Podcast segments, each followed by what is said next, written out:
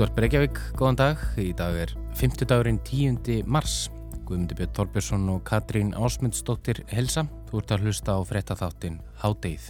Strax í kjálfar innrásar rúsa í Úkrænu sóttist Volodymyr Selenski fórseti Úkrænu eftir aðildað Evrópusambandinu. Stjórnvöldi Georgíu og Moldófu gerðu svo slikt til sama. Fyrir í vikunni hafði fréttastofan AFP eftir ónemdum heimildarmönnum í Brussel að leðtóar aðildaríkja Evrópusambandsins hefðu sammælstum að hefja ferli sem gæti leitt til þess að ríkin þrjú fengju ingöngu í sambandið.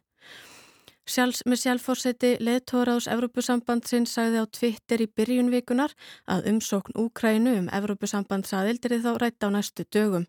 Samstaða Evrópusambandsins vináta og aðstofi Úkrænu ætti sér enga hliðstæðu og væri órjúvanleg. En hversu líklegt er að Úkræna, já og Georgia og Moldova fái ingöngu í sambandi og hvernig fer aðildaferlið fram, hversu langan tíma tekur þetta allt saman? Er líklegt að inganga Úkrænu í ESB kemi til með að hafa einhver áhrif á núverandi stöðu mála í Úkrænu. Við berum áliðendir doktor Gunnar Þór Pétursson, professor við lagadeild Háskóla Ísland, Háskólaans í Reykjavík í setni hluta þáttarins.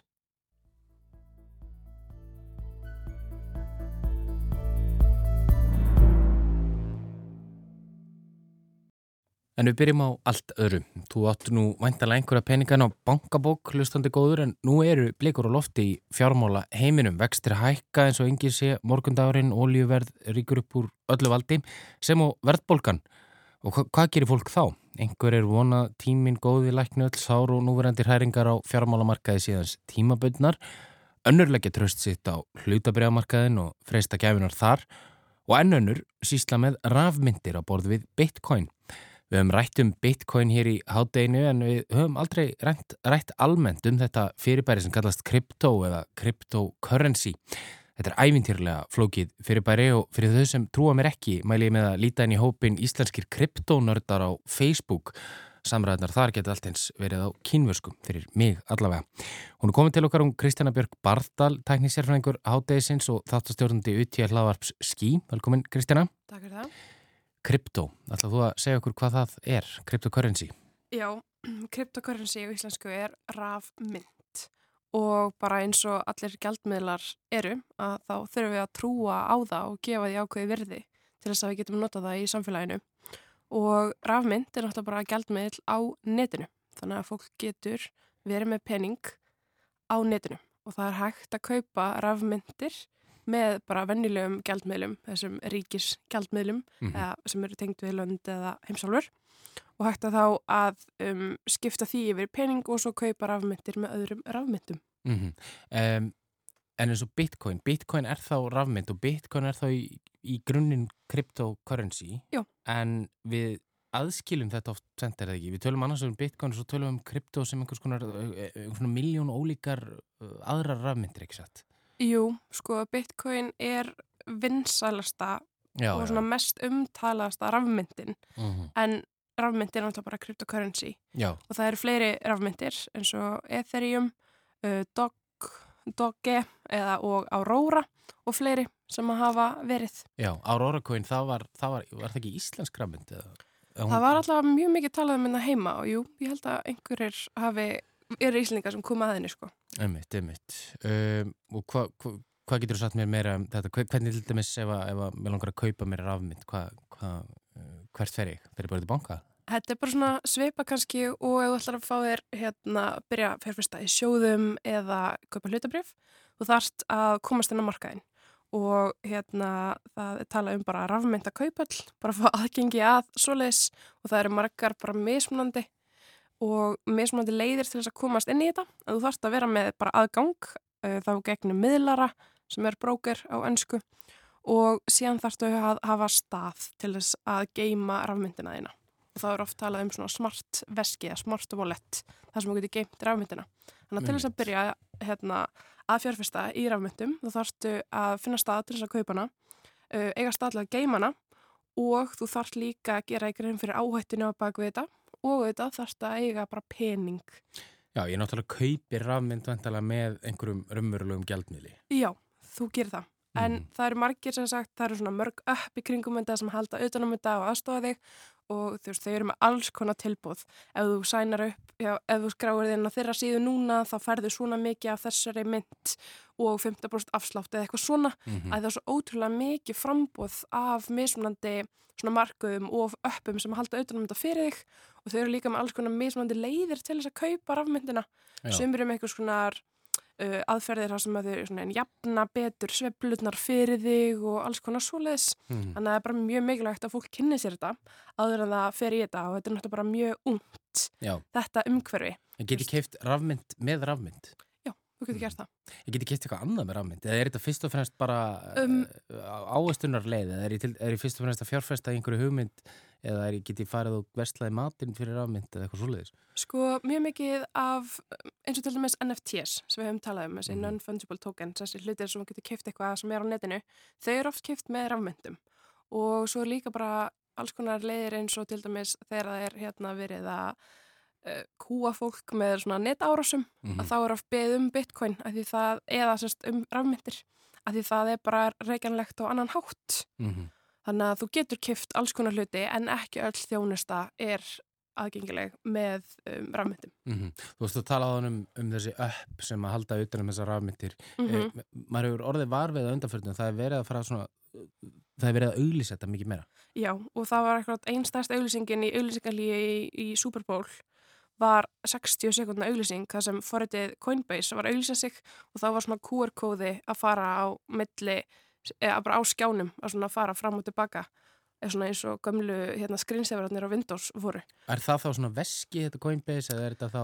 Um, þau, þetta er app bara til þess að fylgjast með stöðunni og lí, bara aðstóð Já, og ég heldur bjóðu upp á bæði. einmitt. En það er rosa mikið af fólki sem er að senda skilabóð, rosa mikið verið að reyna að fá fólk til þess að kaupa. Og bara, ég fekk einhver skilabóð um daginn frá einhverju konu sem að lúkaði reynda bara mjög hérna, raunveruleg og var að byggja um að fjárfesta í krypto. Þannig að það eru líka alls konar fólk sem er ekki alveg að nálgast þetta á, hérna, á rétta vegu, af því ekki allir, allar afmyndir eru um, auðkendar á réttan hátt. Þannig að það er alveg sumar afmyndir sem eru að svindla á fólki. Þannig að fólk þarf að fara greiðilega varlega í þessu. eins og OneCoin var til dæmis minni með rafmynd sem að það var einhver kuna sem tengdist aðeins hérna en á Ísland sem að hérna endaði með einhverjum 8 miljardar bandaríkadala eða eitthvað Mm. og fólk trúði á rafmyndina sko. Mm. Þannig að þetta er, þetta er mjög, maður þarf að fara mjög varlega. Já, þá, þá kannski verðst að spyrja þessu lokin, sko, er, hversu örugt er þetta? Hversu svona, hversu mikið er þetta veði á þetta? Sko, þetta er náttúrulega bara eins og markaðurinn. Þetta fer eftir frambaði og Mhm. eftirspyrn. En það er mjög mikilvægt að fylgjast með þetta séu réttar, hérna, þetta séu réttar afmyndir og sérst að fara gegnum réttar leiðir. En um, bitcoin og markaður sem rafmyndum eru samt nota hérna, blockchain eða bitakæður sem eru mjög góð leið til þess að auðkjanna að þetta sé virkilega um, í lagi. En það eru mik mikið hérna úti og mikilvægt að fólk kynni sér þetta vel Mm áður en það fara að fjárfesta í þessu. En þetta getur verið mjög gaman því að sveiflunar eru upp og niður. Já, hvað finnst þér sjálfur í svona persónulega um þetta? Er er þetta mikil áhætta? Um, ég verð að kaupa svona áður en ég, hérna, deg. Lillsýstu mín sagði þetta um daginn og ég ætla að fylgja því. Þannig að ég hveit fólk til að kynna sér þetta en fara varlega og ekki setja peningi í það nema því getið tapa honum. Einmitt það. Kæra þakki fyrir komin í háttegið, Kristjana Björg Bardal, háttegið snýr svo aftur strax að loknum háttegiðsvettum og þá ætlum við að ræða um mögulega eða ómögulega engungu Úkrænu í Evrópusambandið og ræðum þá við Gunnar Þór Pétursson, professor við lagadelt í Háskólanum í Reykjavík.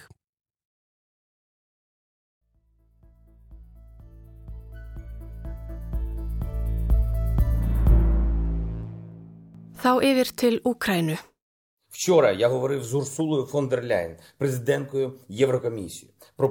Í gær rætti ég við Úrsúlu von der Leyen, fórsetta frangatastjóknar Evrópasambandsins um fleiri og harðari aðgerðir. Evrópabúar gerir sér grein fyrir að hermen okkar berjast fyrir landið okkar og þar með fyrir alla í Evrópu, fyrir friði, friði fyrir alla, fyrir öll ríki Evrópasambandsins, fyrir börnin, fyrir jafnbreytti, fyrir líðræði. Og það gefur okkur fullan rétt til að taka þetta skref. За демократію. І це дає нам повне право зробити наступне. Þetta sagði Volodymyr Zelenski, Úkrænuforseti á fymta degi innrásar rúsa og bætti við. Ми Звертаємось до Європейського Союзу щодо невідкладного приєднання України за новою спеціальною процедурою. Við sárbænum Evrópasambandið að veita Úkrænu aðild þegar í stað með sérstöku inngripi. Við þökkum öllum ríkjum fyrir samstöðuna en markmið okkar er að saminast öllum Evrópabúum. Og það sem mikilvægast er, mæta þeim sem jefningar. Ég veit að það er sangjött bón. Ég veit að við eigum það skilið. Og ég veit að þetta er mögulegt. Í kjölfar yfirlýsingarinnar undirritaði fórsetin aðildar umsókn Úkrænu að Evrópusambandinu. Georgia og Moldova fylgdu þegar í fótspór Úkrænu og sóttu um ingöngu í sambandi. Í byrjun vikunar sagði Charles Michel fórseti liðtóraðs Evrópusambandsins á Twitter að umsókn Úkrænu um Evrópusambandsaðild er þið rætt á næstu dögum. Samstaða Evrópusambandsins vináta og aðstóð við Úkrænu ætti sér enga hliðstæðu og væri órjúvanleg. Meira hefur ekki frest af málinu frá leðtóðum sambandsins að minnstakosti ekki á opinberum vettvangi. Á þriðju daginn greindi AFP fréttastofan frá því að leðtóðar aðildaríkja ESB hefðu sammælst um að setja af stað ferli sem gæti á endanum leitt til þess að Úkræna, Georgia og Moldova fengju ingöngu í sambandi og hafði það eftir ónemdum heimildarmönnum í Brussel. En hversu einfalt eða flókið og tímafrekt er aðeldaferlið og hversu líklegt er, hljóti Úkræna ingöngu í sambandi, að það hafi áhrif á stöðu mála þar í landi. Við ætlum að bera þetta mál undir Gunnar Þór Pétursson, professor við Lagadelt Háskólans í Reykjavík. Hann er komið til okkar. Velkomin Gunnar. Takk. E, mörgum þótti nú Selenski svolítið bjart sín þarna og það er kannski bara verðt að spurja hvernig virkar þetta umsóknarferli hjá Európa-sambandinu og hversu langa tíma tekur það og, og, og hversu tímafrætt er það? Já, et, þetta er nú mjög góð spurning og kannski ef við horfum svona á, á dæmin í sögunni þá, þá tekur þetta umsóknarferli yfirleitt mörg ár mm -hmm. og uh, jafnvel í tilviki í Ísland sem að má segja að það sé fá ríki sem að hafi verið eins reyðubúin til að verða aðlar að ESB heldur en Ísland þar sem við erum ES-ríki, EFTA-ríki til margar ára, við erum með Schengen-samningin og Dublina-reglugerðina að það eru fá eh, ríki sem eru eh, sko jafnsett okkur nema hinn ES-ríkin samt sem að tók það 11 mánuði frá því umsóknin bast þangað til að eh, tekin var ákvarðunum að hefja aðeldavirða við, við Ísland. Eða það er að segja að Ísland var gert að umsókna ríki, candidate country Já, bara 11 mánuði þanga til að, fengast, að við fengjum að sækjum í rauninni. Já, í raun og veru. Uh, og í millitíðinni var sem sagt Frankondastjórnin kallu til og hún beðnum að gefa álit á umsóknunni og það má segja að, að það sé líka fyrsta stíði hér en það sem að við langaði að leggja smá áherslu á er að aðild að ESB eða þessu, þessu bandalagi er fyrst og fremst uh, uh, spurningum uh, samkómulag við öll ríkin eitt og sérkvert. Þetta er eiginlega ferli sem við myndum kalla á ennsku intergovernmental sem þýðir að hvert ríki hefur raun og veru neitunavald eða þar að segja hvert ríki þarf að samþykja uh, í raun og veru hvert stig á ferlinum og ef við förum aðeins í, í þennan feril þá þarf uh, fyrst auðvitað að koma með þessa umsók Mm -hmm. Síðan er framkvæmdastjórnin sem er þá e, stopnun, hún er kallið til að beðnum að gefa álit en síðan er það ríkin öll sem taka ákvörðinu það. Í fyrsta lagi hvort að ríki geti orðið candidate country eða, eða umsóknar ríki og því næst e, hvenar og hvernig samninga viðræðanar munu hefjast. Og þær hefjast e, og eru e, í kringum svo kallega kabla, 34 kabla Uh, og uh, ríkin þurfa að samþykja opnun á hverju meinasta kabla, hvert og sérkvert og lokun á hverju meinasta kabla og ríkin þurfa öll að samþykja að samningavirðanum sé lokið og þá verður til aðildar samningur og sem að þarf svo að lokum að fara til samþyktar í hverju ríki fyrir sig. Þannig að það sem að ég vil leggja kannski áherslu á hér er að aðkoma stopnana ESB er vissulega að ferlinu en það eru ríkin eh, sem að stjórna ferðinni. Mm -hmm. Þannig að þetta er ekki þannig að Lótumir Selenski geti tekið upp tólu og ringt í úrsúlufóndi lægin og sagt bara, herðu, við viljum gangi í Európa-samfandi eh, eða græjaðu það. Eh, þetta er náttúrulega undir, undir aðaldaríkjunum komið eins og segir, en þá kannski verðt að veltaði fyrir sér sko land eins og Úkræna sem, sem er þarna að lýsa yfir vilja til þess að gangi í Európa-samfandi stendur náttúrulega í já, stríðs átökum eins og staðan er núna. Er einhver fordami fyrir því að ríki sem standi í slíkum uh, átökum uh, fái einu sinni aðveldað umsókn, umsóknarferðin? Eh, alls ekki mér vitanlega auðvitað eh, hafa og, og mörg ríki sem eru núna aðlar ESB átt í einhvers konar eh, getum sagt landamara deilum eh, um ákveðin svæði en ekkert ríki hefur heila verið með höfuborgina umsetna innrásaliði, það geti al, alveg fullirt Eh, en það má kannski nefna það að, að eh, til þess að, að hefja viðræðinar eh, þá er gætna miða við þessi svo kallu köpmanarna skilirði mm -hmm.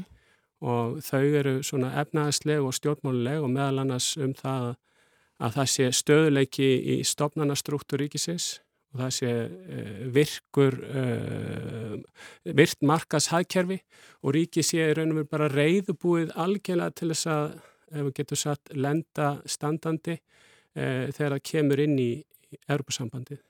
Þetta eru þessi svo kallu köpanarna skilir sem voru, voru sett niður þegar að þegar að Östur-Evrópuríkin gengu uh, inn í aldaferlið en síðan hefur líka bæst við uh, það sem að kalla má svona friðar mm. ákvæði eða, eða ákvæði sem fer fram á það að, að það er ekki góð sátt við öllu ríki sem að, sem að eiga landamæri að, að viðkomandi ríki. Það er að segja að það sé ekki útistandandi deilur. Þetta er eiginlega, þá kannski maður segja að það eru svona ákveðin skilirði sem að þú þart að uppfylla en þau eru svo auðvitað speikluð í þeim kröfum sem að ríkin sem eru í ESB þurfa að uppfylla. Og með, bara svona með allt þetta í huga að þínu mati, hversu líklegt heldur þú þá að það sé að Úkræna hljóti ingöngu og hvað það er með núna þegar það er stríð í landinu og Selenski Ukrænufósetti hann óskaði eftir ingöngu með sérstöku ingripi veist eitthvað hvað er átt við með því og hvort það sé bara í, yfir höfuð í bóði? Nei, ég veit nú ekki nákvæmlega hvað hann átti við með sérstöku ingripi en ég geri heldur því að hann hafi verið að fara fram á einhvers konar hraðferð eh, og eh, ég vil svona kannski byrja á að segja auðvitað er, er, er um, það sem þetta er mjög politist ferli. Mm -hmm. það er auðvitað ímislegt hægt að gera en mér þykir afar óleiklegt að eins og saki standa að, að, að það verði e, farið með, með einhverjum hraði í þetta ferli. E, en ferlið er oft langt, við sjáum það með þessi fimm umsóknaríki sem að núna eru í, í, í ferli. Þessi svo kallið Vestur, Balkanríki og Tyrkland. Þetta eru aldar viðræð sem að hafa já, eða ferli sem hefur verið mjög langt 15, 20 og nánast upp í 30 ára ferli. Wow. e, þannig að það er alveg e, alveg augljóst að, að e, það er erfitt að, að búa til einhverja hraðferð. Ég, ég vísa aftur í Ísland. Ef einhvert ríki hefði átt að fá hraðferð þá, þá var það Ísland. Mm. hvað var það að vera tilbúin að, að ganga inn En hafandi sagt það, þá, þá er ég alveg fullvisum það að, að það er e, mikill vilji til þess að, að koma þessum ríkjum inn í umsoknar ferlið sem er þá ekki það sama og verða aðili. Myndi það hafa einhver áhrif á Já, stöðuna í Ukrænu heldur?